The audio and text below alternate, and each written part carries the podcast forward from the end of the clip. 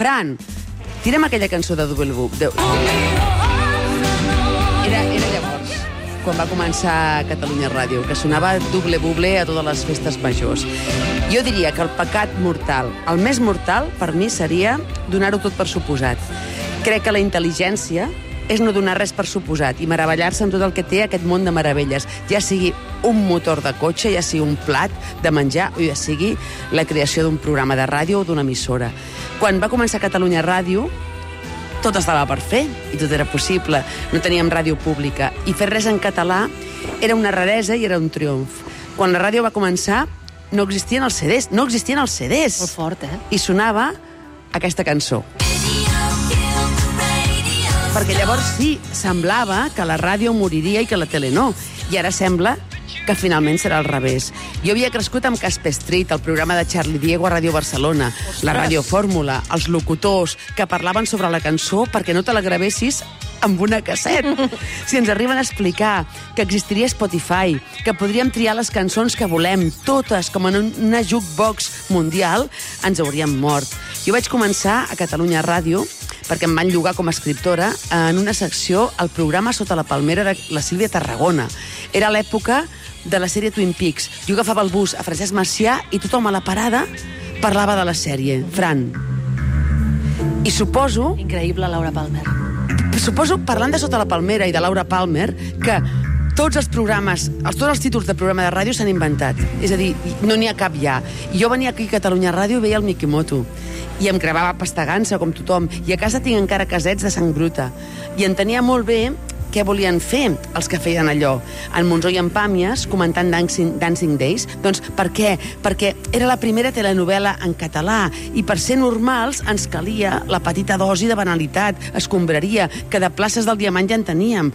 Ho deien Benet i Jornet, estimat Benet i Jornet, necessitem telescombraria en català per ser normals, ser normals, ser normals, ser normals. I la ràdio, aquesta ràdio, va fer-nos ser normals, com els francesos, en qui tant ens emmirallàvem llavors perquè ells tenien la FNAC i nosaltres no, no deixaven seure i llegir.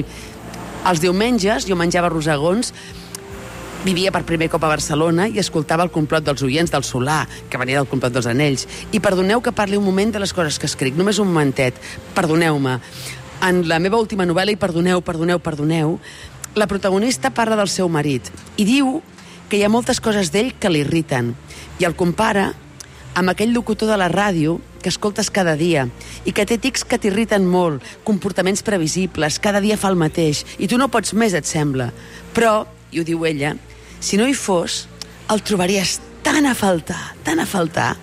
Dant, l'escriptor italià, va parlar al principi del cant de l'infern amb aquests versos. Us vaig a dir en italià primer, eh? Nel mezzo del camin di nostra vita, ara us ho traduiré, mi ritrovai per una selva oscura que la dirita via era esmarrita, que traduint molt lliurement, molt lliurement, molt lliurement, i que em perdoni tothom, seria em vaig topar amb una selva obscura al mig del camí d'aquesta vida perquè la vida recta era perduda. I què vull dir amb això? Que, per tant, la meitat de la vida eren els 35 o 40 anys, perquè calculava que la vida n'eren 80 com a molt. Però ara, que els nous 40 són 50, espero que aquesta ràdio que m'ha fet riure, que m'ha fet plorar tant, que m'ha fet fer el marrà, l'inconscient, duri molts anys, més que 40, perquè si no seria com aquest marit que dic, que el trobaríem a faltar. I una cosa més, Antoni Bassas, aquella època en què ens acollies, ja fa tants anys, fent una secció de la que no recordo el nom, eh, t'haig de confessar dues coses. Una, els llibres dedicats del teu despatx, que, que el despatx és avui de la Laura Marín, de la nostra mm, directora Laura Marín, eren falsos. Ni l'Antonio Gala, ni Anna Botella, ni Bernat Metge, ni Ramon Llull mai et van dedicar un llibre. Basses. I dues. Molts matins veníem després de tota la nit de festa, sense haver dormit gens, i ens mostràvem massa animosos perquè no es notés. Si les moquetes de Catalunya Ràdio parlessin. Per tant, Basses, i si em deixeu, us deixo amb aquest fragment que heu posat avui del moment d'en Monsó i servidora i l'espadaler, que no deia res, que, que, de la tònica, que veníem d'una nit sense dormir, Basses, i tu ens vas estimar. Un gin tònic. De què? Dius, de què? De, de, de què vols que sigui?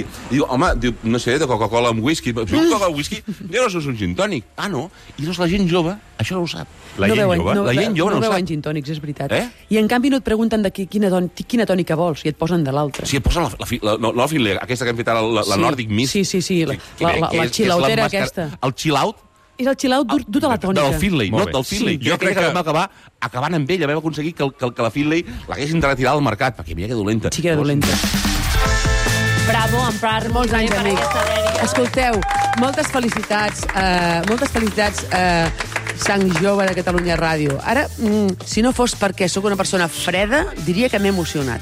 T'has emocionat i ho hem notat No, però soc una persona freda. Però espera't, perquè ara I, t'emocionaràs I a més a encara més teníem la Còpolo per aquí enmig, Sí, que la Còpolo ens ha acollit molts anys, també.